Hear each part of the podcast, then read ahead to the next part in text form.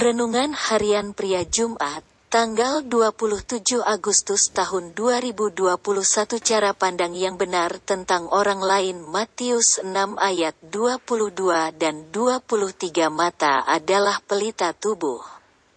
Jika matamu baik, teranglah seluruh tubuhmu.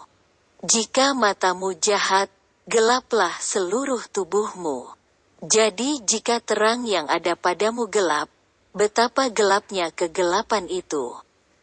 Anda dan saya sudah belajar cara pandang yang benar tentang Tuhan dan diri sendiri dari kebenaran firman Tuhan. Hari ini kita akan belajar pandangan atau cara pandang yang benar tentang orang-orang lain. Alkitab mengatakan bahwa semua orang adalah ciptaan atau buatan tangan Tuhan. Itu dimulai ketika Tuhan menciptakan Adam sesuai dengan rupa dan gambarnya. Adam dan Hawa jatuh ke dalam dosa. Maka gambar Allah menjadi rusak di dalam kehidupannya dan hubungan dengan Allah menjadi terputus. Sejak itu semua keturunan Adam dan Hawa telah berbuat dosa, dan kehilangan kemuliaan Allah. Puji Tuhan! Karena kasih Allah, Yesus datang ke dalam dunia, mati dikuburkan dan bangkit kembali menjadi Tuhan dan Raja satu-satunya serta menjadi juru selamat bagi setiap manusia yang percaya kepadanya. Jadi dalam hal ini ada dua kelompok manusia. Pertama, mereka yang sudah percaya kepada Yesus. Kedua, mereka yang belum percaya kepada Yesus.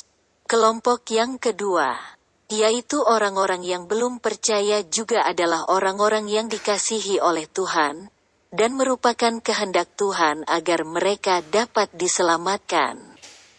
Itulah sebabnya kita sebagai orang-orang percaya juga harus mengasihi mereka dan berdoa agar mereka dapat datang dan percaya kepada Yesus.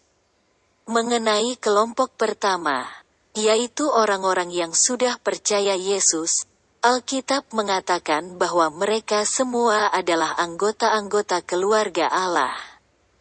Itulah yang Rasul Paulus tulis di surat Efesus.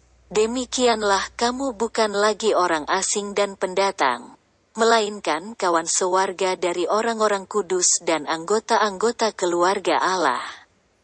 Efesus 2 ayat 19 Jadi kita semua di dalam Kristus adalah saudara dalam keluarga Allah.